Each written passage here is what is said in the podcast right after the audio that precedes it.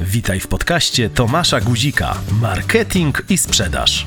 To podcast dla wszystkich, którzy na co dzień prowadzą działania reklamowe i sprzedażowe w internecie. Dowiesz się, jak wykorzystać social media i narzędzia z zakresu marketingu internetowego do podnoszenia sprzedaży w Twoim biznesie.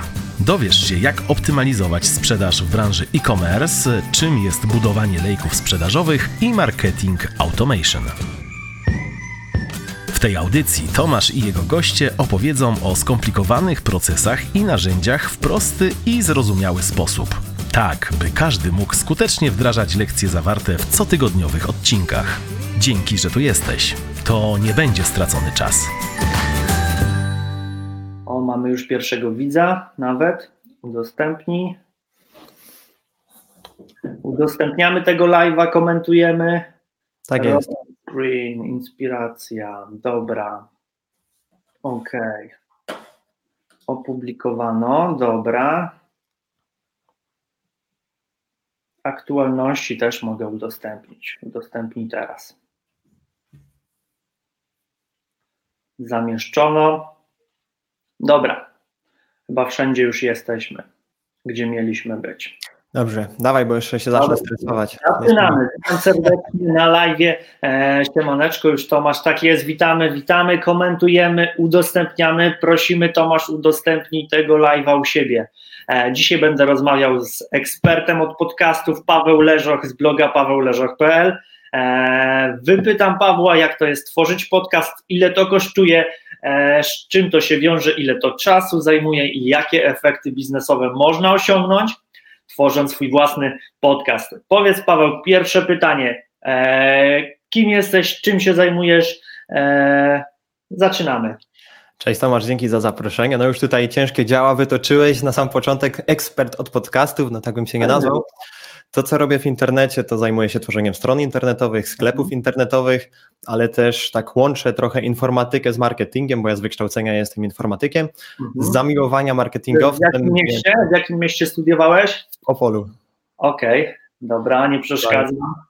I tak trochę te dwie branże ze sobą łączę, czyli oprócz tego, że na przykład robię strony internetowe, to też patrzę pod takim kątem marketingowym, czy to będzie dobrze działało i tak mhm. dalej, ale też zajmuję się takim tworzeniem produktów cyfrowych, głównie są to kursy online i pomagam też na zlecenie swoim klientom takie produkty sprzedawać, tworzę im platformy sprzedażowe, landing page, tego typu rzeczy robię. Co jeszcze robię? To, co już wspomniałeś, nagrywam podcast, podcast nazywa się Biznes od początku, to są wywiady z przedsiębiorcami, no. już 77 odcinków nagrałem tych wywiadów. Y, co jeszcze? Poza internetem. I od jakiego, czasu, od jakiego czasu nagrywasz podcasty? Podcast to jest ponad półtora roku, jakoś rok i 7 miesięcy mniej więcej. Aha. To już kawałek czasu. Tak. Eee, kawałek. Skąd Czekaj, bo jeszcze najważniejsza rzecz. Dobra, dobra. dobra. Jeszcze nie wspomniałem o tym, Poza internetem gram w zespole muzycznym i to jest tak naprawdę większość mojego życia zawodowego. Y, to jest zespół weselny, branża usługowa. Ja jestem właśnie z rejonów Opola i to jest taki rejon w Polsce, gdzie wesela nie są tylko w weekendy, ale to są wesela też w tygodniu. Więc my gramy gdzieś tam w sezonie takim wakacyjnym, letnim, to my gramy przez cały tydzień wesela. Więc to bardzo dużo czasu mojego zajmuje. Taka Ta wiedza marketingowa też Ci pomogła w zapełnianiu terminarzu na, na koncerty. Wiesz co, nawet nie, bo ten kalendarz mamy pełny, ja już trochę przyszedłem na gotowe, y, bo zespół istnieje 30 lat. Ten zespół o. założył ojciec jednego z, z naszych, no z moich kolegów, z którymi gramy, więc ten zespół tak przechodzi z pokolenia na pokolenie i jak już 30 lat istnieje ponad, no to, to ten kalendarz już jest pełny, nie? Okej. Okay. E, powiedz Paweł, skąd ten pomysł na podcast? Dlaczego nie na przykład nie poszedłeś na bardziej popularne formy wideo, jakiś kanał na YouTube? Też na YouTube? E, ale dlaczego akurat podcast? Okej. Okay. Dlaczego w ogóle, może to rozdzielę to pytanie na dwie części, dlaczego w ogóle zacząłem coś tworzyć do internetu, bo jakoś e, nie miałem wielkiego parcia na szkło, ale ja zaczynałem jeszcze będąc na studiach, zaczynałem od tworzenia swoich kursów online. Ja jako informatyk to wymyśliłem sobie, że będę robił kursy online, bo mi się to tak fajnie uzupełniało, że przez część roku gramy bardzo dużo wesel, ale część roku to jest taki trochę martwy sezon, więc na przykład Wielki Post, Advent, w tym okresie sobie wymyśliłem, że będę tworzył kursy online, to jest okres, gdzie mogę taki kurs sobie nagrać i wypromować, przeprowadzić jakąś jedną, dwie kampanie sprzedażowe. No i zacząłem, nawet nagrałem taki swój pierwszy kurs dotyczący tworzenia stron internetowych. Ten kurs sprzedał się tak bardzo średnio, bo tam jakoś ponad 700 zł na tym zarobiłem, więc nie za dużo, więc wiedziałem, że coś do internetu będę musiał zacząć tworzyć, żeby budować społeczność, żeby gdzieś tam się pokazywać. Dlaczego akurat wybrałem podcast? Y, ja wtedy słuchałem podcastu Mała Wielka Firma i dość bardzo lubiłem zawsze przedsiębiorców, lubiłem z nimi przebywać. I w tym podcaście Mała Wielka Firma prowadzący wtedy wypuszczał swój kurs dotyczący y, nagrywania podcastu. I on zaczął bardzo dużo mówić, dlaczego warto nagrywać podcast, jakie to ma korzyści, jakie to ma zalety. No jak tak słuchałem tych wszystkich argumentów, no to stwierdziłem, no w sumie dobra, Y, dosyć sensowne są to argumenty, dlatego wybrałem podcast, bo to był taki jeszcze rynek wschodzący, więc podcastów nie było wtedy aż tak dużo, więc można było na tej fali wzrostowej gdzieś tam fajnie trafić. Podcast był dla mnie na przykład łatwiejszy do nagrania niż wideo, bo tym bardziej, że dopiero zaczynałem coś do internetu tworzyć, no to już tak od razu pokazywanie się na kamerze jest dosyć niekomfortowe. Ciężko się przełamać z tym, więc podcast nagrać jest po prostu łatwiej, zajmuje to mniej czasu. Ja też trochę z muzyką, ze sprzętem takim muzycznym miałem do czynienia, więc stwierdziłem, że sobie z tym poradzę, więc wybrałem po prostu podcast. E, powiedz proszę naszym widzom, słuchaczom, czego potrzebują, aby założyć swój podcast, jakich e, nakładów finansowych, czasowych to wymaga, po jakim czasie mogą spodziewać się efektów E, co muszą wiedzieć, żeby zacząć? Taki zbiór narzędzi, a ja tą Twoją wypowiedź pewnie e, rozwinę o moje doświadczenia w tym temacie.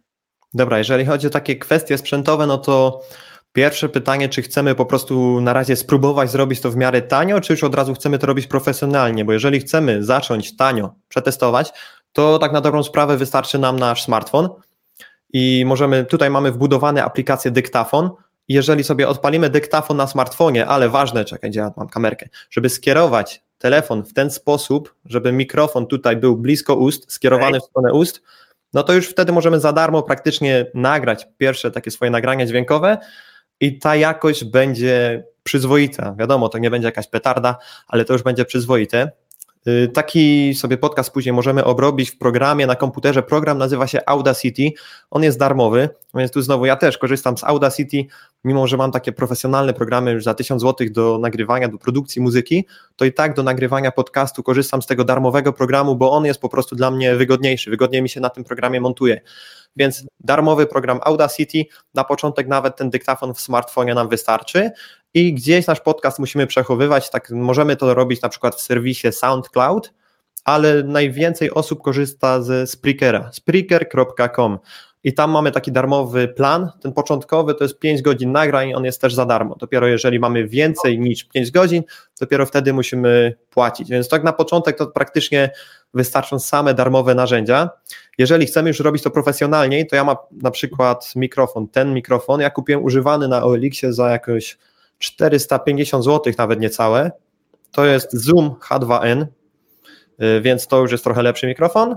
E, Używany około 400 zł. Zoom? Tak. Napiszę w komentarzu. Dobra. Y, H... H2N. H2N. Czy to mhm. coś takiego? Już udostępniam. Dobrze, tak. źle. Dobrze. Y, jeszcze możesz wrzucić link do tego Spreakera. Spreaker.com, Spreaker, tak się pisze. To jest y, hosting do podcastu, no bo gdzieś te nasze nagrania dźwiękowe musimy przechowywać, tak samo jak stronę internetową gdzieś musimy przechowywać w tym internecie, tak samo ten podcast gdzieś musimy przechowywać i ten Spreaker jest bardzo popularny. Pierwsze 5 godzin tam jest za darmo, a później za kolejne musimy płacić. Ja rocznie płacę za ten hosting 59 dolarów tam gdzieś kiedyś liczyłem około 30 zł miesięcznie wychodzi, nie? Czy no ja tam płacę rocznie, właśnie sprawdzałem przed chwilą na fakturze, to mam 59 dolarów rocznie, nie? Okej. Okay. No, e, no. Ja rozwinę ten wątek o swoje doświadczenia. Ja korzystam z Apple'a, tam jest taki program jak e, iMovie, nie? Mhm. Tak kojarzysz. E, Robiłem z poradnikiem ten podcast z Audacity, jak obrabiać dźwięki i tak dalej. Zajęło mi to pewnie około 20 minut, takie podstawowe nałożenie, podstawowa obróbka z YouTube'em, z tutorialami, a później ja lubię tworzyć treści, ale nienawidzę ich montować. Ani wideo, ani podcastów, to mnie po prostu męczy. a jak jeszcze upload, coś tam, coś tam, miniaturki, strasznie dużo czasu to pochłania, czasami pół dnia, żeby udostępnić fajny odcinek, który na początku przecież też nie będzie oglądany przez masę ludzi, tylko gdzieś tam e, kilka osób na samym początku, jak zaczynamy tworzyć. E, I w tej chwili wrzucam plik do iMovie, tam jest taka różdżka, czy jak to się nazywa, taki filtr, który automatycznie gdzieś tam e, podnosi jakość tego dźwięku, że tylko klikamy. Porównałem to z tym, co zrobiłem w Audacity, z tymi poradnikami z YouTube'a i okazuje się, że dźwięk brzmi bardzo podobnie. Ja nie widzę odczuwalnej dużej różnicy do tego stopnia, aby grzebać w Audacity. To taka wskazówka. Profesjonalnie będzie w Audacity i na YouTubie są poradniki od A do Z, jak to zrobić.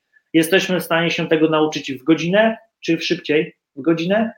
Audacity? Myślę, że tak. Myślę, że w godzinę. Znaczy, wiesz co, nie jestem obiektywny, nie? Bo ja już takie nagrania dźwiękowe robiłem znacznie, znacznie wcześniej, więc z tymi programami miałem już do czynienia, nie? Taka osoba od ja, ja, ja wiem, no przed południe nauczyłem się tych podstaw Audacity, jakieś dodatkowe filtry doinstalowywałem, coś tam, coś tam, wszystko zgodnie z tutorialami. Tam podbijam troszkę tych iMovie, każdy ma sprzęt Apple'a, więc e, pewnie jakiś inny, na pewno na Windowsie pewnie Audacity. Jeżeli macie sprzęt Apple'owski, spróbujcie w iMovie. Drag and drop, przerzucamy sobie dźwięk, klikamy ten filtr na samym górze, taka, taka różdżka i dźwięk jest praktycznie zrobiony, tylko mikrofon żeby to brzmiało sensownie.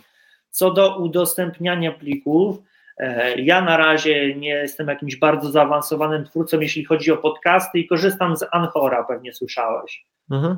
E, Anchor jest bezpłatny, nie ma żadnych limitów i myślę, że dla początkującego podcastera e, warto się tym zainteresować. Nie zauważyłem jakichkolwiek reklam w środku moich odcinków, ani żadnych wstawek.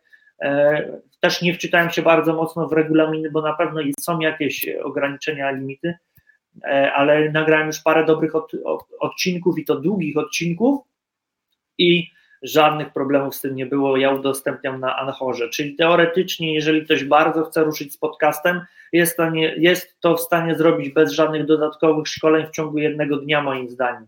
Co jest jeszcze fajnego w Anchorze i w tym Spreakerze również, e, że jak udostępnimy podcast, to on się rozejdzie na wszystkie inne platformy. Automatycznie to jest w Spreakerze? E, nie, trzeba połączyć to. Ja właśnie teraz mm, tworzyłem nowy podcast dla jednego z klientów i wrzucałem właśnie przez Spreakera i tam te połączenie na przykład z iTunesem, z Google Podcast, musimy to zgłosić i musimy czekać na zatwierdzenie. No ja już czekam na to zatwierdzenie, dzisiaj jest chyba co, wtorek. No to już czekam ponad tydzień i dalej, dalej czekam, nie? Aż mi tam iTunes ja, zatwierdzi to skontaktowałbym się z supportem. Jeśli chodzi o Anchora, Anchor robi to automatycznie, nic cię nie obchodzi, e, ale jeżeli ktoś ci odrzuci tą zgodę, to nawet o tym nie wiesz, dlatego warto napisać. Do, czy to do Anchora, zazwyczaj mhm. bezpośrednio do Anchora ja pisałem. E, ale co, co dziwne, bo na przykład taki Spotify zatwierdził mi w ciągu dwóch godzin od pierwszej publikacji w życiu.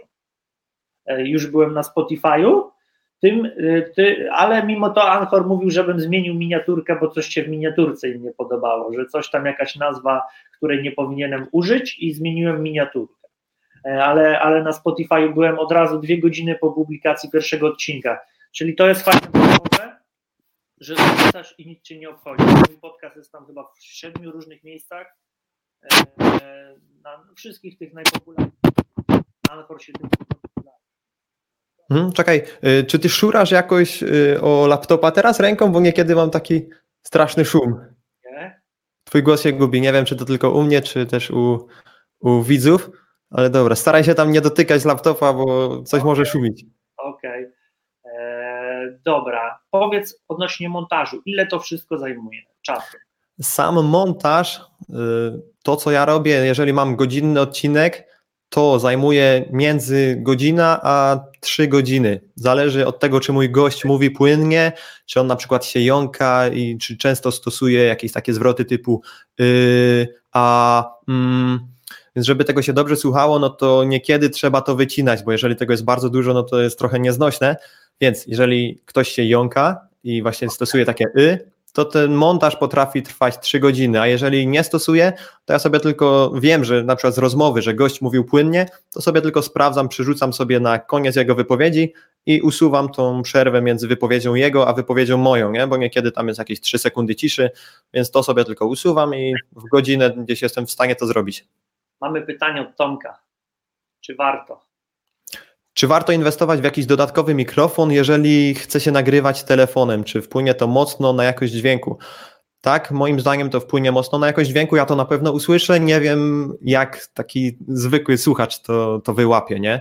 W moim przypadku to słychać, y, ale na przykład często ja nagrywam wywiady z gośćmi i ci goście nie, często nie dysponują jakimś świetnym sprzętem, a to oni głównie mówią w moim podcaście, bo ja tylko prowadzę, ja im zadaję pytania, przez większość podcastu oni muszą mówić i właśnie często stosuję też ten patent z telefonem, że oni nagrywają swój głos na, na telefon, na przykład postawią sobie telefon na stosie książek i nagrywają, więc ja na początek bym przetestował tą opcję z tym darmowym na telefon nagrywaniem, jeżeli faktycznie będziemy chcieli dalej robić ten podcast i robić go już lepiej, no to później bym inwestował, nie? Na początku raczej spróbujcie sobie tą, tą darmową opcję.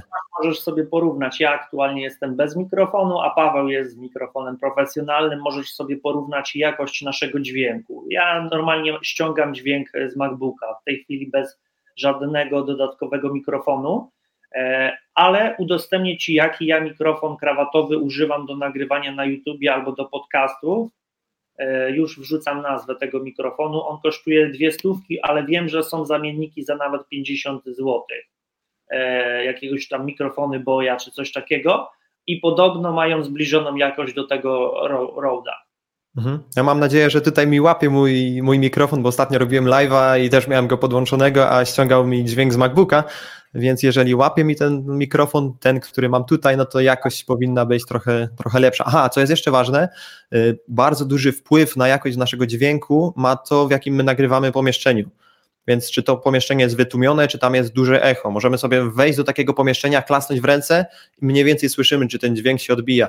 Ja na przykład przyznam szczerze, że nagrywam w bardzo kiepskim pomieszczeniu, e, bo tutaj mam gołe ściany, mam gołe okna, nie mam tutaj nawet firanki, więc jest dużo takiej powierzchni, od której ten dźwięk się odbija. Jeszcze nawet nie, nie przystosowałem dobrze tego pomieszczenia, ale jeżeli na przykład wejdziemy sobie do sypialni, gdzie mamy łóżko, mamy pościel, jakieś zasłony i tak dalej, tam ten dźwięk u mnie, na przykład w moim przypadku jest znacznie lepszy, nie?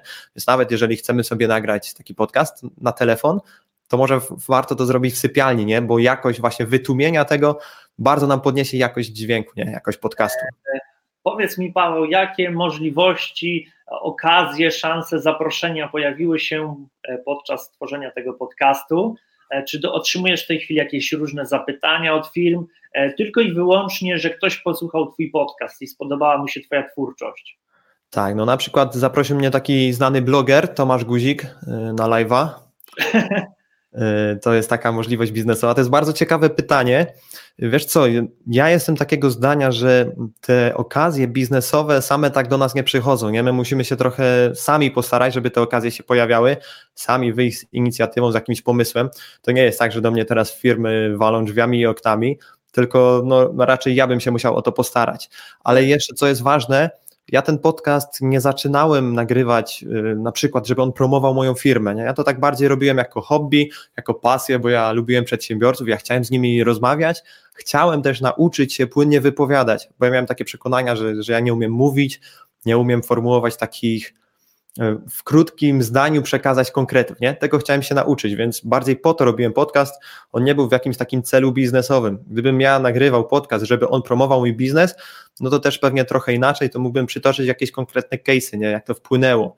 Ale mimo, że ja nie stosowałem podcastu do promowania siebie, to zgłaszali się do mnie ludzie, którzy gdzieś tam znaleźli informację, że ja robię strony internetowe, mimo że jakoś mocno tego nie promowałem, nie? bo ja miałem wystarczająco dużo innych zajęć, więc ci ludzie gdzieś tam mnie znaleźli i mam też kilku takich stałych klientów, dla których właśnie robię takie, zaczęło się od strony internetowej, a później no, już robię kolejne, jakieś wprowadzamy kursy online dla nich, co chwilę trzeba coś nowego dla nich robić, więc no, klienci rzeczywiście też się pojawili, ale gdybym chciał to bardziej promować, bardziej bym to komunikował w moim podcaście, to na pewno te, te efekty by były znacznie lepsze, nie? Okej, okay. czyli też masz taką solidną podstawkę pod realizację jakichś nowych projektów, jakiś nowy kanał na YouTube później i tak dalej, i tak dalej. e, widać, że masz już w tym po prostu doświadczenie. Tak, aha, jeszcze co można by tutaj dodać? To jest fajne, że nagrywając podcast, ja mam dojście do pewnych ludzi, gdzie z ulicy byłoby mi trudniej do nich dojść. Nie? To jest też tak na przykład, jeżeli ktoś jest dziennikarzem, masz mikrofon i jesteś na ulicy, to możesz z tym mikrofonem do, przyjść nawet do prezydenta, nie? bo ty jesteś dziennikarzem, chcesz mu zadać pytanie, chcesz coś z nim nagrać. Nie? Tak z ulicy byłoby dla ciebie trudniej. Więc to, że ja nagrywam podcast, to ja mam trochę łatwiejszy dostęp do tych przedsiębiorców, i to, że ja robię coś za darmo, że ja najpierw od siebie daję, to też y, mam trochę łatwiej, gdybym później chciał ich o coś poprosić, nie? Na przykład o jakąś pomoc, jakąś współpracę, cokolwiek, nie? No to też jestem na trochę innym, powiedzmy, nie wiem, pułapie. Pytanie, nie wiem, czy będziesz chciał zdradzić, ale na pewno słuchaczy to interesuje, w jaki sposób docierasz do takich ludzi, bo na Twoim podcaście jest wielu naprawdę wysokiej klasy specjalistów, przedsiębiorców z ogromnymi wynikami, którzy mają wypchane terminarze, a tu nagle e, nagrywają podcast. W jaki sposób do nich docierasz? Bo na pewno nie jest to proste i na pewno nie wysyłasz jakichś tam zimnych maili, tylko to musi być jakaś przemyślana strategia. Wiesz co, nie, XXI wiek to tak skrócił dystans, bo ci wszyscy przedsiębiorcy są na Facebooku, są na Instagramie i po prostu wystarczy im napisać, nie? Bardzo rzadko gdzieś tam się odbijam od y, asystentów, po prostu piszę do nich prywatnie, Jedynie czasem jest problem z tym, że moja wiadomość do nich nie dotrze, nie? gdzieś tam trafi do folderu inny, gdzieś tam, nie wiem, do spamu, po prostu ta osoba tego nie zobaczy, czasem mi ktoś nie odpisze po prostu, nie? Ale większość tych ludzi, z którymi nagrywałem, po prostu pisałem im na Facebooku, na Instagramie i często też nagrywam z ludźmi, którzy coś do internetu tworzą, albo są jakimiś blogerami, albo no coś tam już jednak robią w tym internecie, więc im to też jest na rękę, że ja z nimi nagram wywiad, bo znowu ja wkładam całą pracę, a oni docierają do nowych ludzi, nie? Więc oni też na tym zyskują, więc to wcale nie jest aż takie trudne i skomplikowane, jak się wydaje. To właśnie pytanie udostępniłem, żeby e, publiczność widziała, o czym teraz aktualnie rozmawiamy. E, dobrze, czyli z reguły e, te Twoje pytania, wiadomości, propozycje spotykają się z, z miłym odbiorem, rzadko odbijasz się od ściany, rzadko gdzieś tam jedyny problem, że ktoś może tego nie przeczytać, tak? Tak no i czasem ktoś nie ma czasu, nie, że mógłbym na przykład się zgłosić za trzy miesiące albo za pół roku dopiero, nie? Okay. Bo na przykład ktoś ma, też zdarzało się, że ktoś miał takie terminy, że no dopiero fajnie nagramy, ale gdzieś tam za 3-4 miesiące. I to jest fajne właśnie, fajna strategia.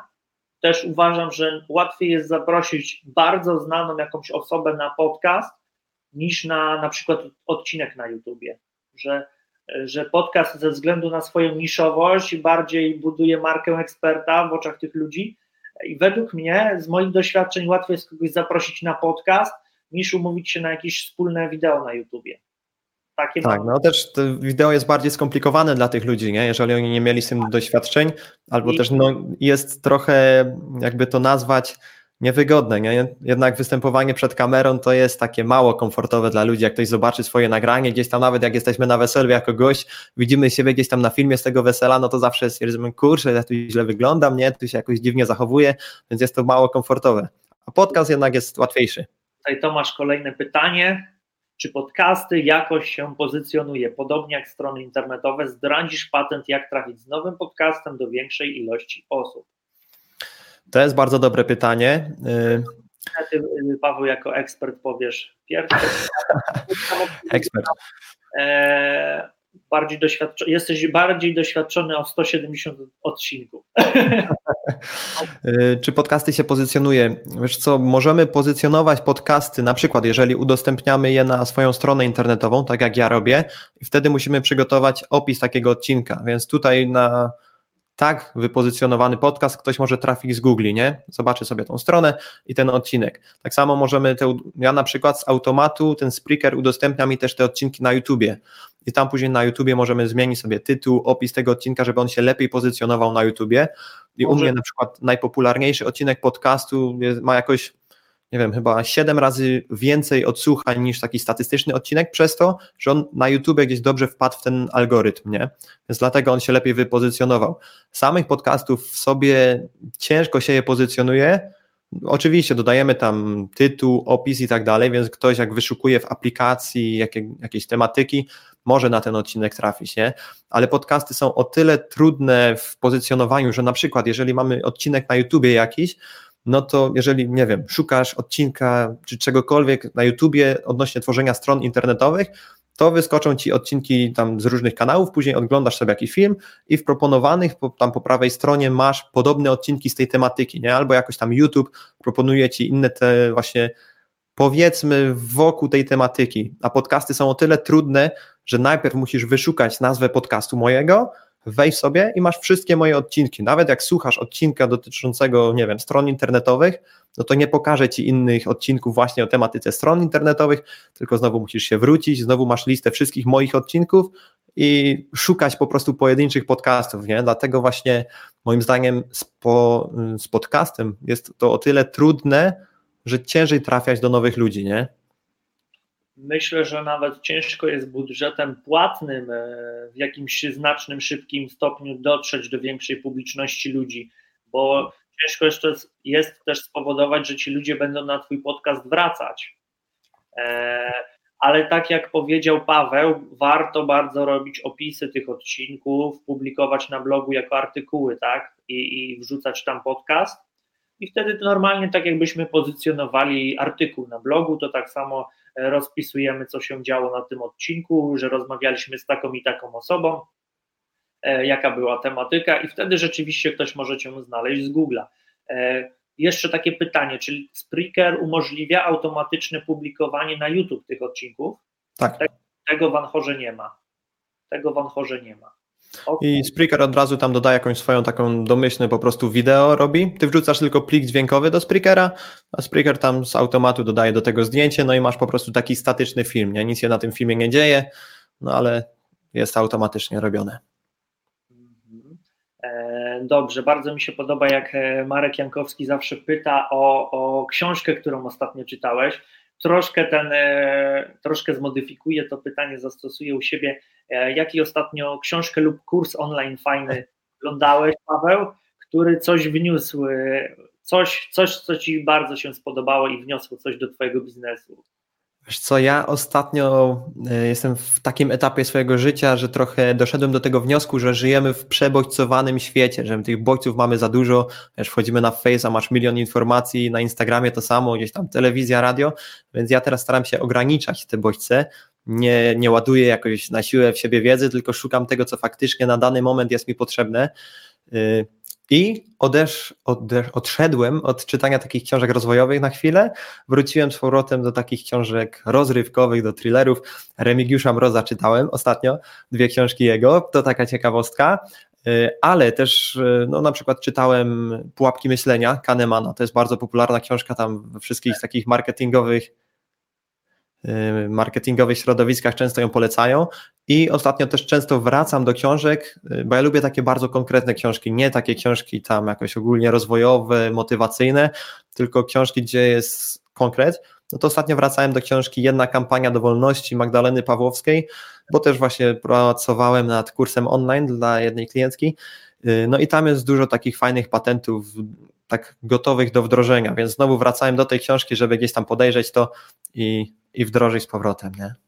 Ja właśnie wczoraj skończyłem kurs y, y, Samuraja HTML, CSS, 30 bodajże 8 godzin.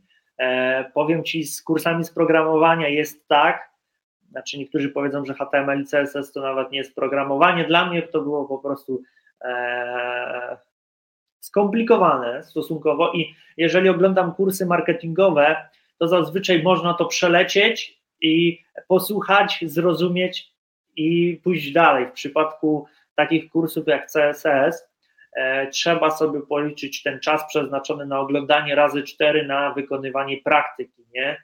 E, ty też coś miałeś styczność z HTML, CSS, chyba nagrywałeś jakiś kurs, prawda? Bo gdzieś tam, gdzieś tam znalazłem. Oj, coś z internetem masz, Paweł? Halo, halo. Stron internetowych w HTML-u. Mhm. Właśnie gdzieś tam, gdzieś tam znalazłem. Jeśli chodzi o Twój obraz, coś mi się rozmywa, ale już, już może za chwilę wróci do normy.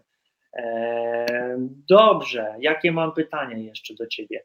E, co byś doradził osobom, które chcą zacząć tworzyć do internetu, chcą tworzyć na przykład taki podcast jak Twój, e, ale boją się, mają różne rodzaju obiekcje. Co byś takim osobom doradził? Halo, halo. Co mi radził? Czekaj, nie wiem, czy ten internet mamy tutaj stabilny, bo też mi co chwilę coś tutaj się rozłącza. Chyba jest ok. No. Słyszymy Teraz się? chyba jest już ok. Słyszymy się. Czekaj, bo... Dobra. Y, Co bym doradził osobom, które chciałyby rozpocząć podcast?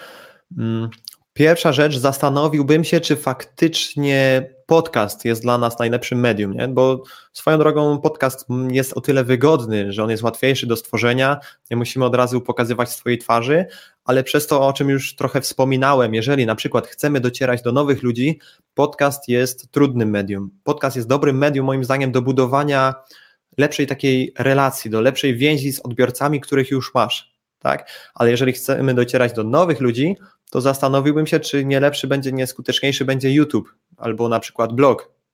Tak? Więc to jest pierwsza bardzo mocna rzecz. Zastanówmy się, do czego ten podcast w ogóle jest nam potrzebny, czy na pewno ma to być podcast. E, Gdzieś tam na Twoim blogu można wyczytać, że jeszcze podczas studiów zakładałeś swój pierwszy startup, e, który gdzieś tam okazał się, jak, jak to zazwyczaj pierwsze pomysły biznesowe e, na dłuższą metę klapą. Może wspomnisz, co to było, dlaczego się tym wypadku nie udało i jakie lekcje z tego wyciągnąłeś?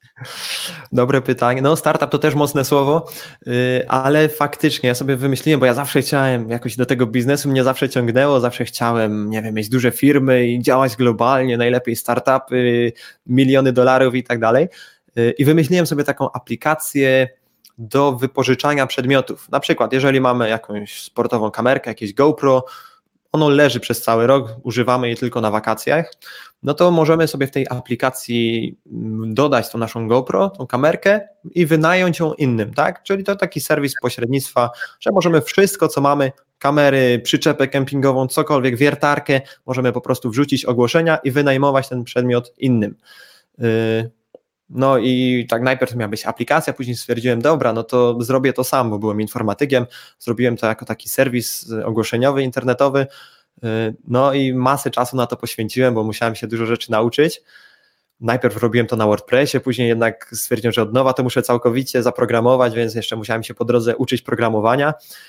No i fakt, zrobiłem to, to mi zajęło bardzo dużo czasu. I co się okazało? Okazało się, że no, nikt nie chciał z tego korzystać, bo wiesz, dopiero wtedy dowiedziałem się, jak ważny jest marketing, że samo zrobienie czegoś to jest jeszcze nic, bo trzeba to umieć wypromować i, i, i, sprzedać tak naprawdę. Ja nawet nie miałem pojęcia, w jaki sposób ja miałbym na tym zarabiać. Stwierdziłem wtedy, że dobra, ja to zrobię, gdzieś tam wyślę to swoim znajomym, oni się tam zarejestrują, dodają swoje ogłoszenia, gdzieś tam to przekażą dalej, to tak lawinowo pójdzie, no a tak naprawdę to wszyscy cię mają w nosie. Ja musiałem się prosić, żeby tam moi znajomi sobie założyli konta darmowe, wszystko było za darmo, musiałem za nimi chodzić, żeby oni tam dodali jakieś ogłoszenia, zawracać im gitarę.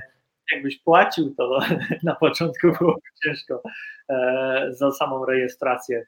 Także bardzo dużo osób myśli właśnie, że ma świetny pomysł, że to wystarczy, żeby zacząć jakiś biznes nowy, a tu się okazuje, że, że spotykają się właśnie z, ze ścianą, nie ma klientów, nie ma zainteresowania, bo tak naprawdę stworzyć jakiś biznes nawet w oparciu o internet to jest tylko i wyłącznie kwestia budżetu. Nie, ma, nie wiesz czegoś, zlecasz wykonanie sklepu internetowego, strony internetowej, e, czy nawet jakiejś kampanii, i, I to wszystko, i masz wszystko gotowe, ale co ty później z tym zrobisz, to już, e, to już e, jakie wyniki osiągniesz, zależ, zależne są od Twoich kompetencji, marketingu i sprzedaży. Ewentualnie, jeżeli się do tego kompletnie nie nadajesz, oczywiście takie rzeczy możesz zlecić komuś, zatrudnić handlowców i tak dalej, i tak dalej. E, ale trzeba mieć to na uwadze, że w pierwszej kolejności liczy się sprzedaż, a dopiero później myślenie o tworzeniu czegokolwiek. E, tak, no ja wtedy właśnie się dowiedziałem, jak ważny jest marketing, i wtedy zacząłem się tak interesować mocniej marketingiem i skręciłem trochę bardziej od informatyki w stronę marketingu. To była ta nauczka. Jeszcze jeden wniosek, jaki wtedy wyciągnąłem, dzisiaj się z tego śmieję, że wtedy sobie powiedziałem, że już więcej nie będę nic robił za darmo, bo wiesz, nie miałem tutaj. Stwierdziłem, że łatwiej jest coś sprzedawać, na czym od razu masz pieniądze, bo później znowu możesz inwestować w reklamę, w rozwój tej firmy, niż dawać coś ludziom za darmo. Stwierdziłem, że już więcej nie będę tak nic za darmo robił, bo to jest bardzo trudne. Po czym e, jakieś dwa lata później zacząłem za darmo nagrywać podcast. I znowu był ten sam błąd. Ci jeszcze rozwinę taki wątek, brałem udział w takiej dyskusji, ale się wycofałem, bo tam się pojawiło tysiące różnych znawców. Zobaczę, czy się z moim punktem widzenia zgadzasz. Był taki wątek, osoba, która, bo ja też tworzę strony internetowe, nie wiem, czy tam wiesz, e, więc mamy podobne troszkę doświadczenia. I osoba zapytała, jak zdobyć pierwszych klientów na tworzenie stron www. I tam masa komentarzy się posypała, stwórz portfolio. A ja mówię, po co tworzyć w ogóle portfolio, tracić czas, e, no bo to kilkadziesiąt godzin poświęcimy i tak dalej. Najpierw sprzedaj pierwsze strony i z zarobionych pieniędzy już będziesz miał realizacje gotowe i portfolio pod większych klientów. Stworzysz sobie grunt pod większych klientów. E, dla mnie najważniejsze jest na samym początku sprzedać. W 2019 robiliśmy e, około 20 stron internetowych i, i może dwie, trzy osoby zapytały się tak naprawdę o portfolio a bardzo dużo ludzi tworzących strony skupia się przez dwa lata, tworzą portfolio piękne i w ogóle. E, I to jest tak jak z, twoją, e, z Twoim startupem, myślę, że stworzyli wszystko, licząc, że to im da jakieś tam przełożenie biznesowe, a potem stoją z tym portfolio, którego nikt nie widzi. E, I tak jest właśnie z pozyskiwaniem klientów również na strony www. Najpierw sprzedajemy, zarabiamy, i dopiero mamy już realizację, więc mamy grunt pod większe firmy, większe marki, e, lepsze realizacje. Co ty o tym sądzisz, Paweł? Czy zgadzasz się ze mną, czy masz troszkę inne podejście? Zgadzam się. Ja mam też takie doświadczenia, że do mnie ludzie się zgłaszają gdzieś tam z polecenia i wiesz, nawet nie wchodzą na jakieś moje strony internetowe, nie szukają tego, co ja robiłem, oni totalnie nie mają zielonego pojęcia o tworzeniu stron internetowych. Jeżeli jest ktoś, na przykład ja, który im tam w miarę to wszystko wytłumaczy prostym językiem, jeżeli ze mną potrafią się dogadać, ja im mówię, jasne, ja wam to wszystko zrobię, fajnie, kompleksowo, no to ich nic więcej nie interesuje, nie? To kosztuje tyle i tyle, dziękuję.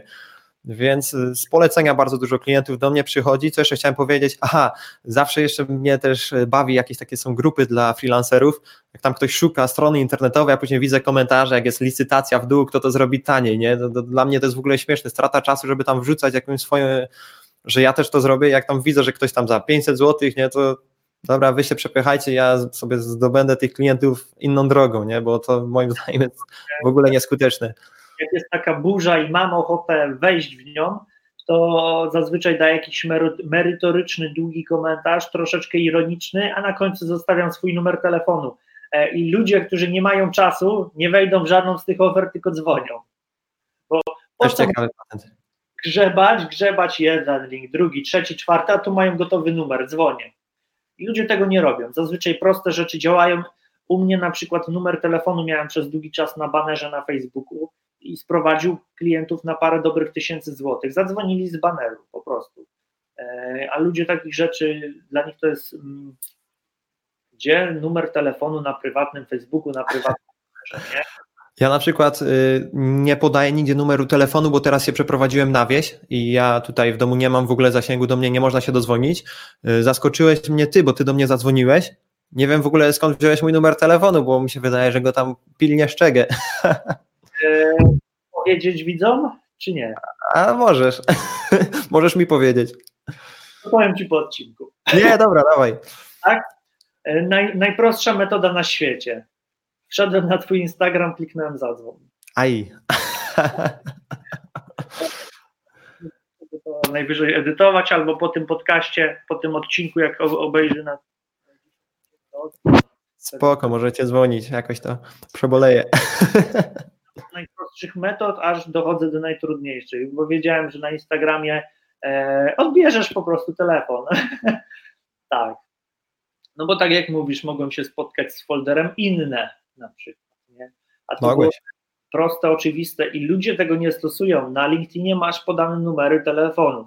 Na Instagramie masz podane numery telefonów do wielu przedsiębiorców, naprawdę duże firmy, duży kaliber. I ja patrzę na Instagramie, mają numer e, i uważam, że na prywatnym Instagramie głównie mają swoje numery. Raczej to nie jest jakaś sekretarka. Może w przypadku bardzo dużych graczy gdzieś tam e, zagranicznych na przykład, nie? ale w Polsce myślę, że głównie, głównie telefony komórkowe prywatne. Ale to też wydaje mi się wynika z tego, że ludzie trochę boją się teraz rozmawiać, boją się takiej konfrontacji. Dla nich jest, my jesteśmy już tak wychowani, wiesz, na Facebooku, nie, że do kogoś piszemy raczej, niż rozmawiamy, więc, ale to może być fajny wyróżnik, nie? Nie wszyscy czują się z tym komfortowo, ale tak. właśnie warto często stosować coś innego niż wszyscy, nie? To będzie fajnie działać. Myślę, że osiągają fajne wyniki, gdzieś tam e, w ogóle lubię Karola Fronia słuchać i tam on często mówi też inni, inne osoby, handlowcy, którzy często rozmawiają przez telefon, że nie ma skuteczniejszej metody, która dowiezie ci taką sprzedaż w tak krótkim czasie, nie? Co telefon. Wystarczy hmm. mieć telefony do osób decyzyjnych i, i odpowiednio z nimi porozmawiać. E, jeszcze mamy tu pytanie od Tomka. Bardzo dziękujemy za aktywność, Tomek. Jak ja... długi powinien być odcinek podcastu? Które odcinki są chętniej słuchane? Czy dłuższe, czy krótkie? Wiesz co, tu nie ma reguły tutaj.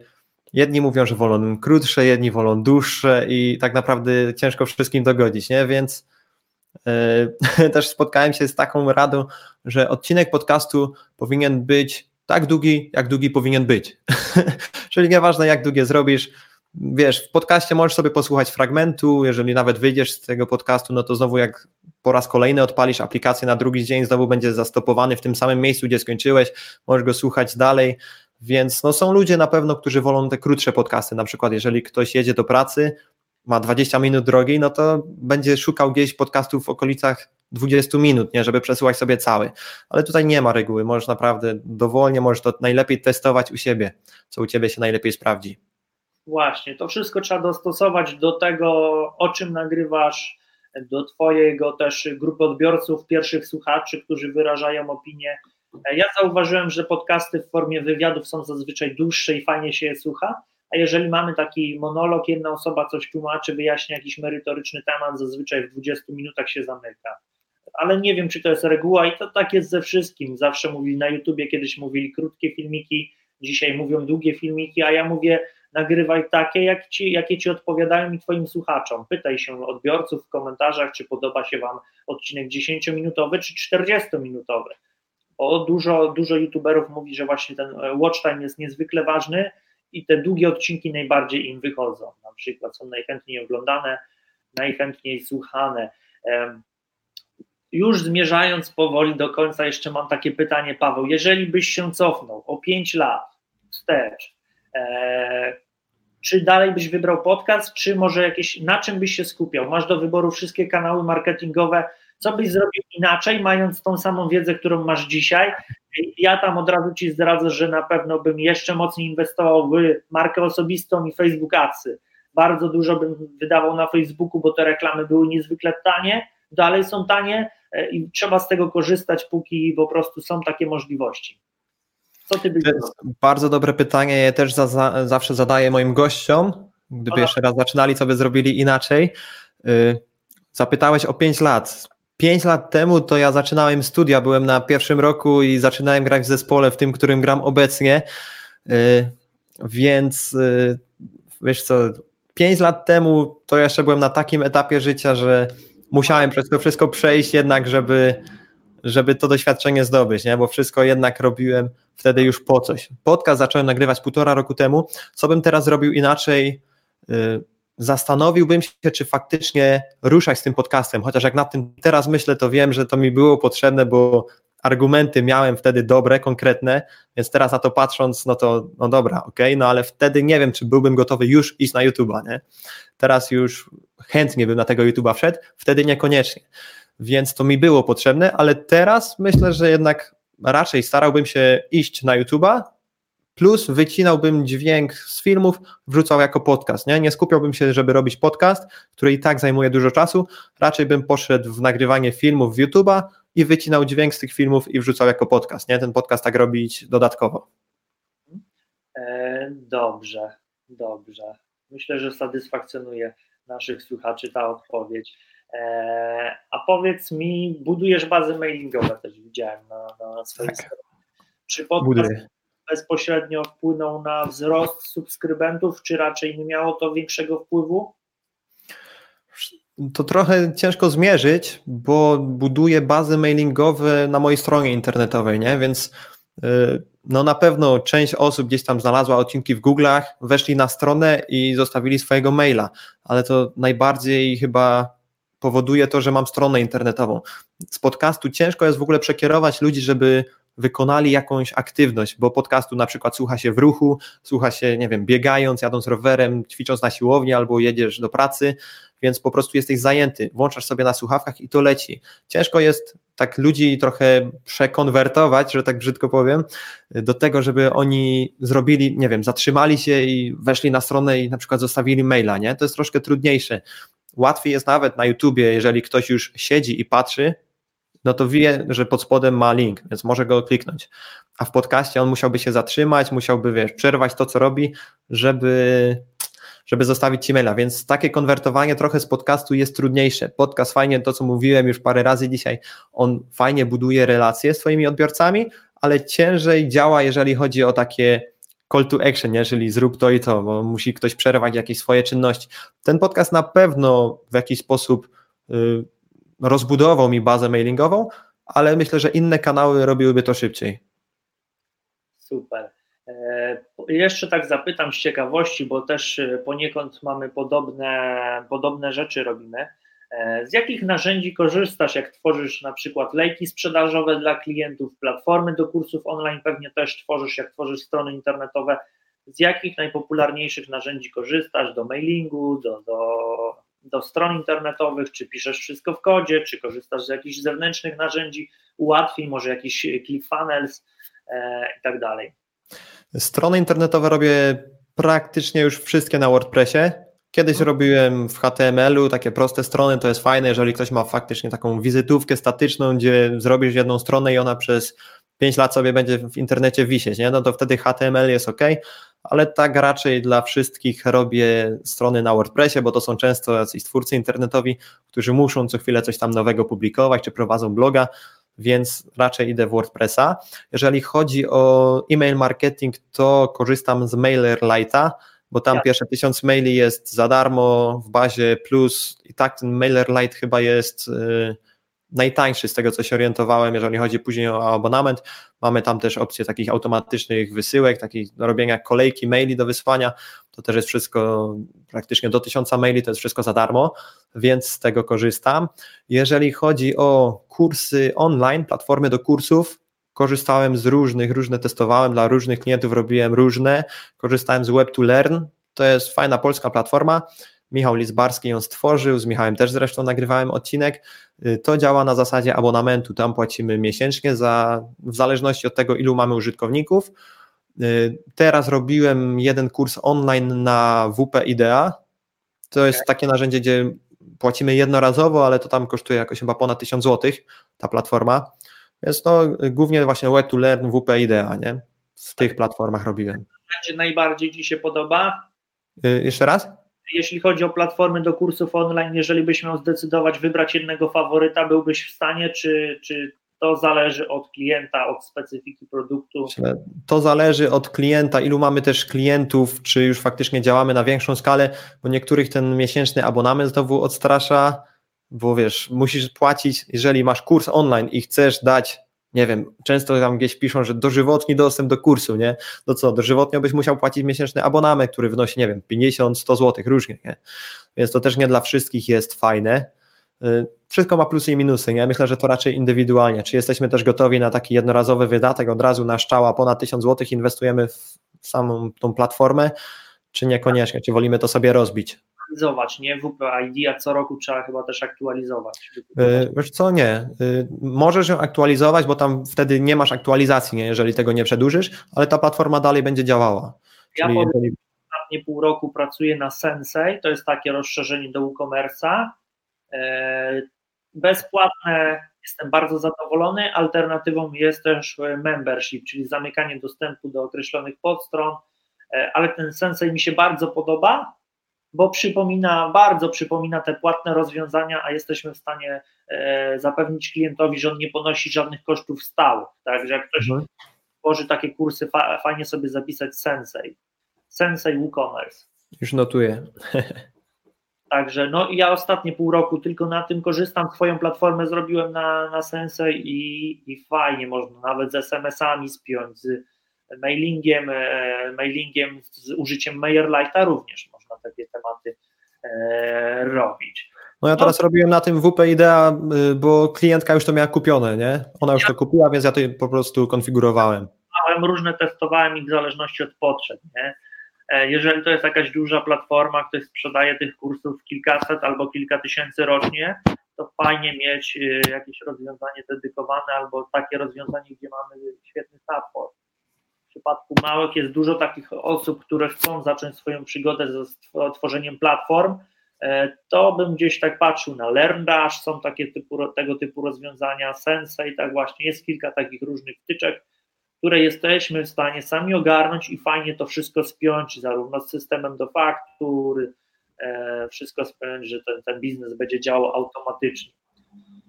Dobrze, Paweł, porozmawialiśmy sobie już blisko 50 minut. E, będziemy zmierzać do końca. Czy macie jakieś jeszcze pytania? Lajkujecie, nie lajkujecie, komentujecie? Tomek był bardzo aktywny. Dziękujemy Tomek za Tomasz Kołpaczek za bardzo dużą aktywność. Dobrze, jeżeli będziecie mieli jakieś pytania odnośnie podcastu, kierujcie w komentarzach. Ja poproszę Pawła, żeby czasem tam zerknął co parę godzin i odpowiedział na Wasze pytania. Możecie też e, wejść na bloga Pawła, pawełleżo.pl i tam w dziale kontakt znaleźć dane kontaktowe i napisać do Pawła. Pawle, czy chcesz jeszcze coś dodać do tego naszego dzisiejszego podcastu live'a? Nic dodać, nic ująć, myślę. Ja ze swojej strony e, żałuję, że nie udostępniłem od razu live'a na YouTubie, ale zrobimy to w formie e, późniejszej publikacji. Dobrze, dziękuję serdecznie za, za ten fajny wywiad, świetny live. Dzięki wielkie. E, jaką ocenę nam Tomasz dajesz? W komentarzu napisz od 1 do 6. Od 1 do 6. Ostatnio gdzieś tam e, z Rahimem były oceny od 1 do 6, ja myślałem, że do, do 10 ludzie nam szóstki dawali i myślę sobie, co tak słabo. A to patrzę potem od 1 do 6. Dobra, dobra. Dziękujemy Tomasz za aktywność. Fajnie, że spędziłeś z nami tyle czasu, bo prawie praktycznie całego live'a byłeś, bo od samego początku komentowałeś. Jeśli masz pytania odnośnie podcastu, oczywiście pisz do Pawła. Dziękujemy serdecznie. To wszystko, Paweł? To wszystko, dzięki Tomasz za zaproszenie. Widzimy się, o Tomasz Kołpaczek 10, widzimy się internecie, social media, czytajcie nasze blogi, wchodźcie na podcast Biznes od początku, gdzie Paweł rozmawia z przedsiębiorcami o tym, jak zaczynali inspirujące wywiady na temat prowadzenia biznesu, e, nie tylko online. Pozdrawiam serdecznie, dziękujemy, cześć. Dzięki. Kapitalizacja Sapiensy rośnie, jak będzie można kupić dużo ludzi za to. Ty nie kupujesz kryptowaluty Sapiensy, żeby kupić udział w człowieku, tylko żeby sprzedać tym, którzy chcą zainwestować swojego idola. I dopóki ludzie, którzy kupili Sapiensy, nie zaczną to sprzedawać na rynku wtórnym, dopóty nie będzie można mówić o płynności tej kryptowaluty. Dzisiaj, przykład, dzisiaj, żeby kupić takim coina, trzeba kupić Wavesa, prawda? Mhm. De facto kupujesz kryptowalutę Waves i, i, to jest bardzo taka no, fajna kryptowaluta, płynna, e, bardzo, bardzo, bardzo ciekawy projekt. No i tak samo, żeby kupić w Sapiensy udział w człowieku, trzeba będzie nabyć kryptowaluty Sapiensy. Okej. Okay. Sapiensy kupicie na stronę Sapiensy.io i sprawdźcie, to jest bardzo proste, tak? Natomiast Rahima Blacka też bardzo prosty, tak? I jaki be, jak będzie to, jeszcze wróćmy do tego Sapiensy, e, ile będzie trwało założenie takiej kryptowaluty? Jeżeli ktoś będzie chciał na przykład e, 1 grudnia, oczywiście jak projekt już powstanie, to ile, ile to potrwa? I z czym będzie się wiązało? Ale jeszcze raz, założenie w Sapiensy? Tak, że ktoś będzie chciał się stokenizować, jaki to będzie okres czasu i jakie dokumenty będą potrzebne, żeby. Znaczy, coś... ja bym chciał, żeby to było tak proste, jak założenie profilu na Tinderze, czyli w biegu jesteś to robisz. Aha. W okay. przypadku Mozaiko to będzie bardzo zaawansowane, bo w Mozaiko no, tokenizujemy organizację, firmę. Rozumiałem, no. W przypadku Mozaiko każdy jakby emitent sam robi swoją misję i musi zrobić takie know your company, czyli po prostu no, przedstawić dokumenty swojej firmy, że ona istnieje, jej, wiesz. No, Okej. Okay. No, to i tak to będzie trudne, będzie to trwało na przykład 2-3 tygodnie, ale to i tak jest bardzo łatwe w stosunku do tego, że wejście na giełdę wymaga pół roku i pół miliona przynajmniej na, na dzień dobry. Natomiast w przypadku Sapiensy, no to, no to ty zakładasz swój token, ludzie mają ci zaufać. sprzedajesz go swojej społeczności. Czyli wystarczy, że tysiąc osób sprzeda tysiącu osobom, to już będzie milion. Mhm. E, I teraz, I teraz, jak ktoś raz kupi, no to ja już mam tą osobę, to ona może kupić kogoś innego, czyli wystarczy, raz, że raz zweryfikuje, nie? Więc Sapiensy to będzie taki, taki, taki marketplace. Natomiast, natomiast Mozaiko, każdy emitent robi swoją emisję i dostaje do tego moje oprogramowanie. Tak? Gotowe oprogramowanie, gdzie możesz od razu stokenizować firmę, wygenerować white paper, regulamin i nawet zrobić taki, taki, taki, taki landing page swojego projektu, żebyś nie musiał budować strony internetowej. Więc tokenizacja człowieka będzie dużo prostsza niż tokenizacja firmy. Mhm. Ale Sapiensy ma to być jak najprostsze. Jak zakładasz dzisiaj profil na Instagramie i wrzucasz tam zdjęcia, to mało kto myśli o tym, że za zdjęciami na Instagramie stoi najdłuższy na świecie regulamin dotyczący praw autorskich do dzieł, jakim są zdjęcia. Prawda? Okej, okay, no rzeczywiście. No prawda, nikt o tym nie myśli. Jest to długie jak encyklopedia i nikt tego nie czyta. Tak? A jest proste i intuicyjne. Okay. Natomiast, natomiast jak, jak, jak wystawisz swoje akcje na sprzedaż, to też wpisując informacje, wpisując parę takich e, prostych informacji na poziomie ustawy, nawet nie będziesz wiedział, że właśnie wyemitowałeś prospekt emisyjny swojej osoby. Rozumiesz? Okay. Gdzie stworzenie dzisiaj prospektu emisyjnego przez dom maklerski, zatwierdzenie go przez KNF może potrwać rok. Mhm. Chciałbym, żeby zrobił to w biegu. Okej. Okay. E, większość młodych, początkujących przedsiębiorców, e, największą ich motywacją są pieniądze. E, co w momencie, skąd czerpiesz motywację, kiedy ta gratyfikacja nadejdzie za kilka lat lub nie nadejdzie? Też tak może być. To wszystko jest oddalone w czasie. Jak w takim momencie się motywować, kiedy przez wiele miesięcy firma nie przynosi dochodu albo ponosimy kolejne, kolejne koszty? Jak to jest u ciebie?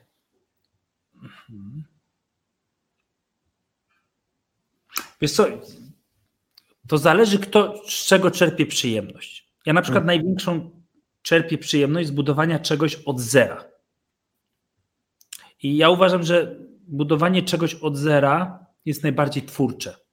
Ale mnie na przykład sprawia to naj, największą radość, dlatego że dla mnie budowanie projektów od zera jest czymś prostym. Bo jeżeli coś ma dzisiaj zerową wartość, to jutro może mieć tylko większą. I okay. nawet robienie takich małych kroków sprawia, że idziemy do przodu. Kluczem jest wytrwałość. Oczywiście to nie jest tak, że jak ja dzisiaj zaczynam projekt od zera, bo ja jestem w ogóle teraz w bardzo ciekawym położeniu. To znaczy. Witamy. Magdalena, witamy, witamy. Cześć Magdalena, nasza inwestorka, hodlerka. E, chciałem powiedzieć, że ja jestem teraz w bardzo ciekawym położeniu, ponieważ tak, ostatnio sprzedałem udziały w agencji social media, zarobiłem na tym na czysto ja 680 tysięcy, niedużo. Teraz Edron jest wyceniany nawet na 120 milionów złotych. I teraz, pomimo tego, że mamy już pewne zaplecze, mamy fajne biura, fajnych ludzi i tak dalej, ten projekt Sapiensy Mozaico zaczynam totalnie od zera, czyli jak taki startup. Okay. I sprawia mi to ogromną przyjemność, ponieważ wiem, że kluczem jest wytrwałość i wiem, że dzisiaj to jest warte zero, ale zaraz to może być warte no, więcej niż zero, czyli buduje wartość, nie? Tutaj mamy fajne pytanie. Ale jeszcze chciałem tylko, jeszcze chciałem tylko dokończyć no, no. E, taką rzecz, że to nie jest też tak, że jak ja buduję teraz projekt od zera, to ja nie mam się czym cieszyć. Bo ja się cieszę tym, co zasiałem 10 lat temu. Cieszę się na przykład Edronem. Cieszę się na przykład moimi dziećmi, które mam. Mam dwóch synów. Super. I na przykład synowie są niesamowici, dzieci są niesamowite, bo one rosną. One rosną nieubłagalnie. Tego nikt nie zatrzyma, rozumiesz? Dziecko, Jezus, okropnie zdarzy mi, jak zasiejesz, jak zasiejesz, to ona ma pewien swój własny rozpęd, rozumiesz? Ja po prostu widzę, jak moje dzieci rosną i to już jest taka kula śnieżna nie do zatrzymania. One mhm. zaraz będą duże, ja zaraz będę z nimi robił impre, e, imprezy, ja zaraz będę z nimi pracował, będę z nimi tworzył, będę z nimi budował, będę z nimi grał w tenisa, rozumiesz? Więc chodzi o to, żeby zasiać i pozwolić temu kiełkować. Mnie ten etap początkowy najbardziej kręci, dlatego że ja w etapie początkowym, tak jak dziecko rośnie najszybciej, kiedy jest malutkie, teraz mam na przykład półtorego rocznego Jasia, i, i widać najszybciej te postępy, to w firmach też najszybciej widać postępy na samym początku. Mhm. Więc tutaj jakby odpowiadając na twoje pytanie, czy jeżeli ten cel jest odroczony, to pamiętajmy o tym, że tak naprawdę na samym początku najszybciej coś rośnie. Na pewno rośnie, bo może tylko rosnąć, a jeżeli w ogóle nie macie innych firm, to macie najmniejszy bagaż obciążeń. To jest naprawdę zajebisty stan. Polecam. Tutaj fajne pytanie od Marcina. Marcin Matla. Cześć Marcin, nasz człowiek z UK. W przypadku personalnego tokena jest limit tokena do yy, miliona sztuk, czy mozaiko to ten sam limit. Marcin, w przypadku Sapiensy chcemy wprowadzić limit. Długo się zastanawialiśmy nad tym, ile to ma być.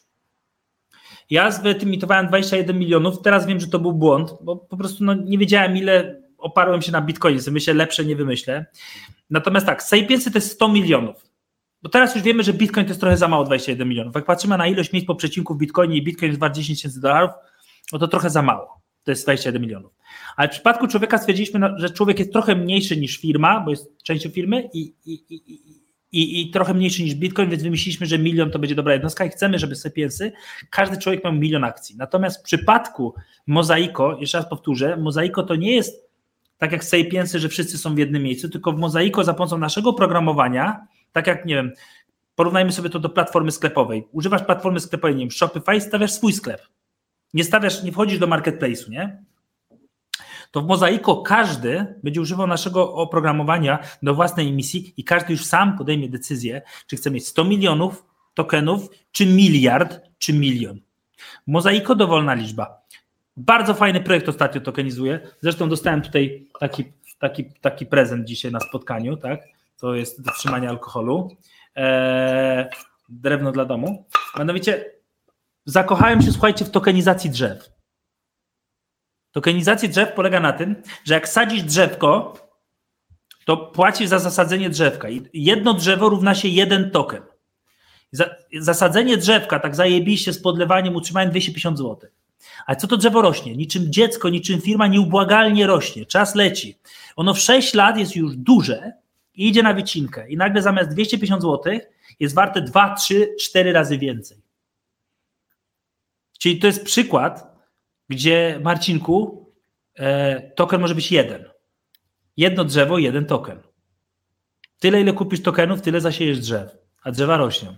Wszyscy inwestują w złoto, w ropę, mhm. a powiedzcie mi, co daje pewne 100% zwrotu z inwestycji. 100%. Pewne drzewo. Nigdy nie jest za dużo. To jest na w ogóle misyjne. Sadzić drzewo i drzewo, wiesz, wchłania dwutlenek węgla, jest dobre dla środowiska, potem idzie na wycinkę, ale czy wy wiecie, że jak wytniecie drzewo, to ono znowu urośnie? Bo nie wycinacie je z korzeniami. Czyli raz zasiejesz token, ono będzie rosło. Najpierw ono rośnie przez 6 lat, potem przez 10. Bambus rośnie najszybciej, ale bambusy w Polsce nie są popularne. Idźmy w dąb. Dogadajmy się z Ikeą. Dogadajmy się z Ikeą, żeby zasadzić drzewo IKEA odkupi, kiedy ono rośnie, bo potrzebuje do produkcji mebli, prawda? I takich pomysłów na tokenizację jest miliony. Na przykład ostatnio byłem, na przykład gość ma, gość na przykład zbiera kasę, żeby zbudować piekarnię. Piekarnia, chleb. Taki, taki biznes mnie kręci najbardziej. Piekarnia. Chcemy, żeby po prostu w hotelach był świeży chleb, który po prostu wyszedł po prostu z piekarni godzinę, dwie wcześniej. Więc co, robi, co robimy? Otóż te hotele wszystkie kupują udziały w piekarni. I kiedy dzwonią do nich klienci i pytają się z Australii, z Niemiec, czy macie, jaki macie chleb? A oni mówią, he, my to mamy swoją piekarnię, a nie chleb. Mają udział, mają tokeny, rozumiesz? Hotele składają się na piekarnię. Mam na przykład inny pomysł. Klinika, albo na przykład hospicjum. Hospicjum gdzie spędzisz, o kurczę, nie nazwałbym tego bezpieczną, bo tam po prostu spędzisz komfortową starość. Godnie przeżyjesz ostatnie lata swojego życia w hospicjum. Tylko, że ty teraz, mając 30 lat, możesz kupić token tego hospicjum. Tylko, że drogi Tomaszu, jak kupisz teraz, to kupisz za 5 zł. A ten sam token, jak już będziesz chciał tam spędzić komfortową starość, będzie wart może 50 tysięcy. Dlatego kup go teraz. To jest lepsze niż ZUS. bo tego prawa własności nikt ci nie odbierze. Fenomenalne w tokenizacji jest to, że tokenizacja może oznaczać akcję firmy, ale nie musi oznaczać tylko akcję firmy. Token może mieć tysiące różnych funkcji. I kiedy rozmawiam z producentem helikopterów, huty, domów, firmy, piekarni, kliniki, to najbardziej podoba mi się właśnie ta kreatywność w wymyślaniu funkcji zastosowania tego tokena. Jeden token może być akcją, programem lojalnościowym i walutą. Czyli ty jak kupisz token kliniki, to jak ta to klinika zarobi, masz dywidendę. Ale ty możesz za ten token pójść się w tej klinice leczyć. Tutaj mamy pytanie od Piotrka. Piotrek. Mając bardzo duży budżet, tokenizacja coś może wnieść, ale mając duży budżet, czyli budżet na tokenizację, czy po prostu doprecyzuj, czy chodzi ci o to, że masz duży budżet na tokenizację, czy już masz dużo kasy nie potrzebujesz więcej, Piotrek? I czy chcesz zrobić tokenizację jako dodatek? Słuchajcie, pamiętajcie o jednej rzeczy. Takie firmy jak Microsoft, Apple to nie są firmy, które powstały dzięki kasie inwestorów, tylko to są firmy, które powstały dzięki kasie klientów, a jak już były duże, to weszły na giełdę, jak już były zajebiste. Więc kasy nigdy nie jest za wiele. Dalej one albo skupują, mam dużo kasy, nie potrzebuję więcej, mówi Piotr. No, każdy potrzebuje więcej.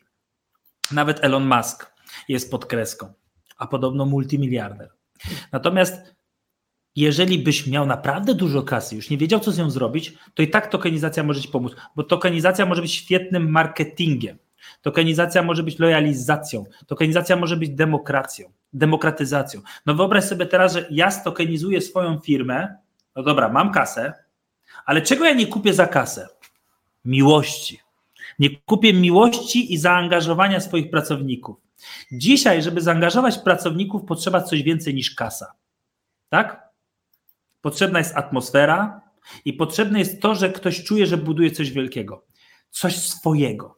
No to stwórz w takim razie prostą spółkę akcyjną i stokenizuj ją po to, żeby tokenami, które są udziałami w firmie, gratyfikować swoich najlepszych pracowników.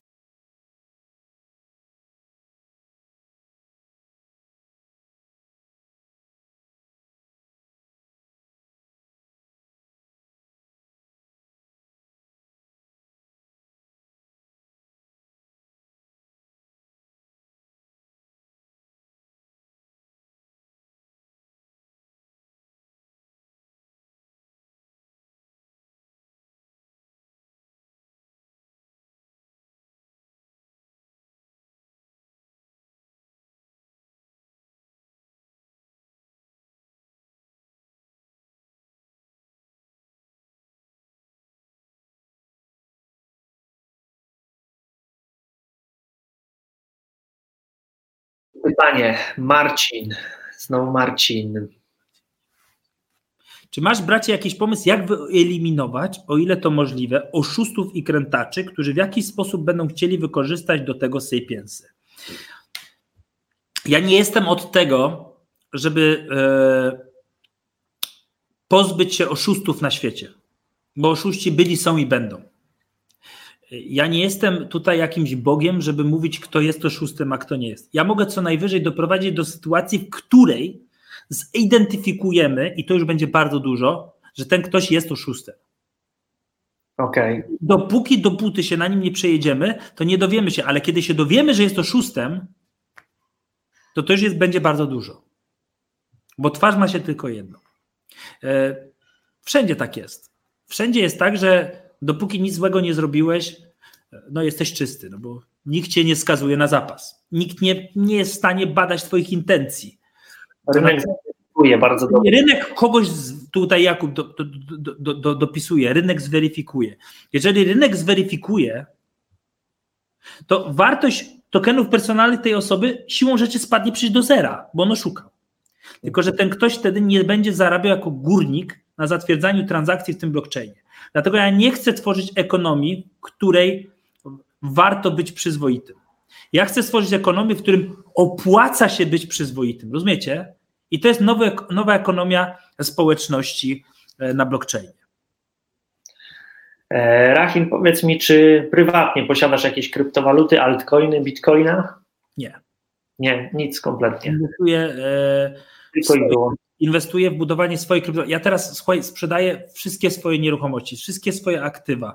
Sprzedałem agencję, mhm. żeby budować swoje projekty, więc ja nie mogę jakby inwestować w kryptowaluty, dlatego że ja ja uważam, że przedsiębiorca powinien budować biznes, a nie inwestować. Są ludzie, którzy chcą budować, chcą pracować. Ja teraz jest 20, jak skończę, to będę miał jeszcze trochę roboty, wiesz?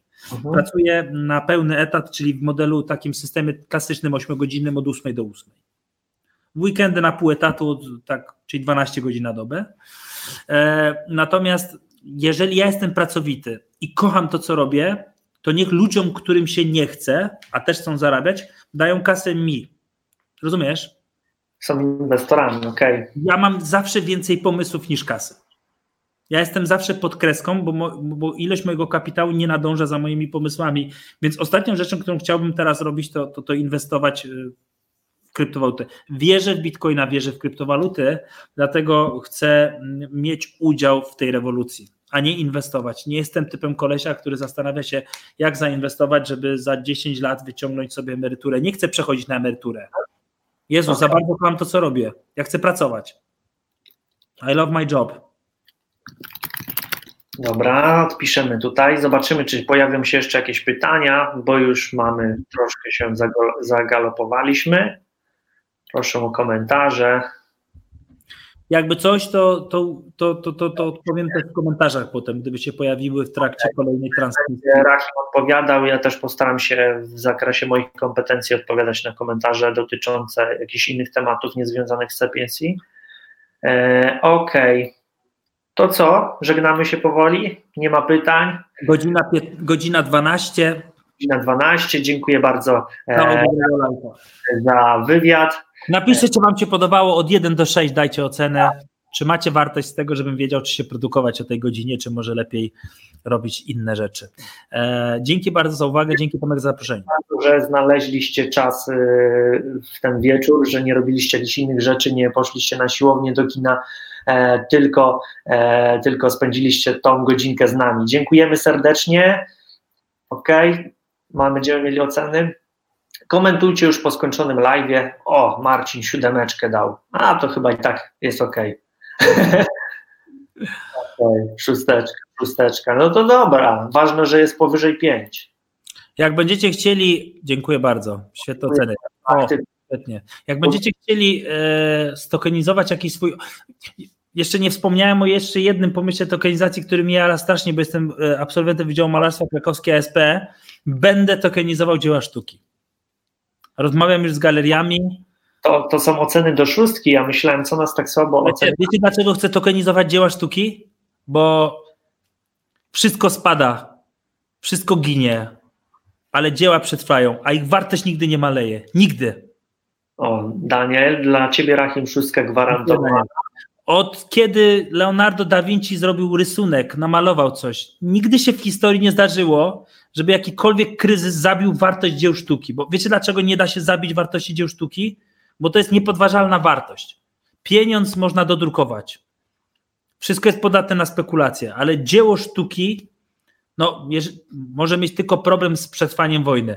Ale jeżeli jeszcze zapiszemy aktywo dzieła sztuki w postaci cyfrowej, to, to, to, to, to cyfrowy e, zapis własności na rozproszonym rejestrze przetrwa nawet wojnę. I to jest niesamowite.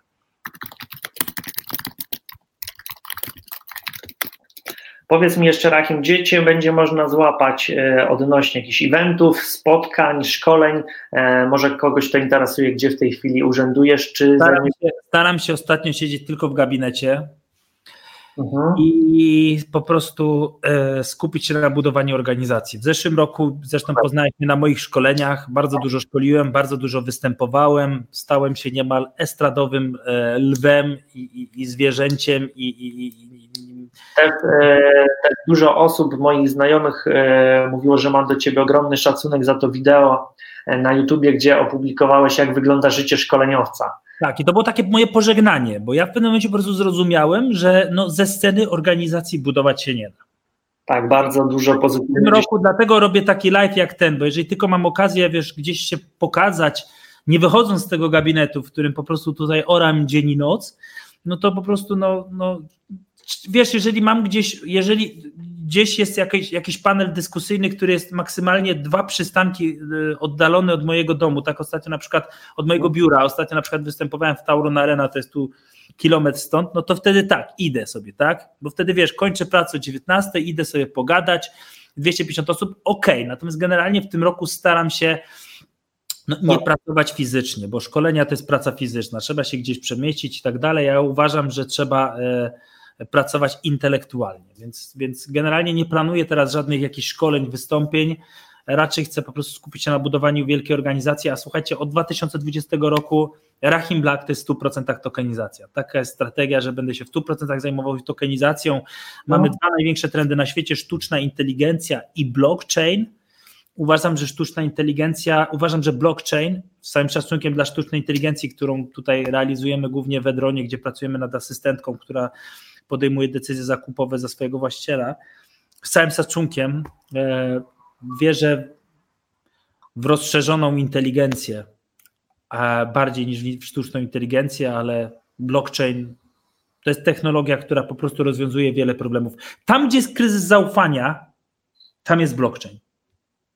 Więc, więc blockchain to jest technologia, w którą najbardziej teraz wierzę, że może zmienić świat na lepszy, a, a tokenizacja po kryptowalutach to w końcu sprawią, że te kryptowaluty nie staną się wartością tylko spekulacyjną wewnętrzną, tylko po prostu za nią będą stały kryptotokeny.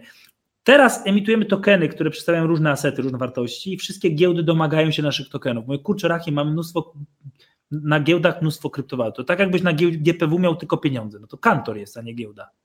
Dopóki dopóty za te, za te kryptowaluty nie możesz kupić realnych wartości, które mają cyfrową postać właśnie kryptotokenów, to po prostu kryptowaluty nie będą miały takiego zastosowania. Kryptowaluty i kryptotokeny, tak. Tokenizacja. 2020 rok to będzie rok tokenizacji. I raczej, raczej zamierzam jeszcze e, tutaj posiedzieć w gabinecie. Dobrze, także podsumowując, ja ze swojej strony na pewno. Możecie mi śledzić online, możecie mi śledzić online, tak? Na Facebooku. Bardzo, bardzo z aplikacji Sapiensy, kiedy już będzie przygotowana. E... Na, na, Facebooku e, profil osobowy, na fanpage'u e, cały czas naparzamy content. I może nie widać tego, że ja siedzę w gabinecie, bo mamy tak dużo materiałów po prostu z takich nagrań czy z zeszłego roku, że po prostu cały czas jesteśmy aktywni. Natomiast nie wiem, na YouTubie mam, swój, mam swoje podcasty na Spotify'u, no ale przede wszystkim Sapiensy.io i Mozaiko AI. To, to, są nasze, nasze miejsca, a, a, a na, na, na stronie rahimblack.com możecie nawet mnie kupić. Dziękujemy serdecznie za wspólnie spędzony czas. Będziemy się już żegnać. Do usłyszenia e, w social media. Cześć. Dobranoc wszystkim. Widzimy się rano. Hej, hej. Cześć.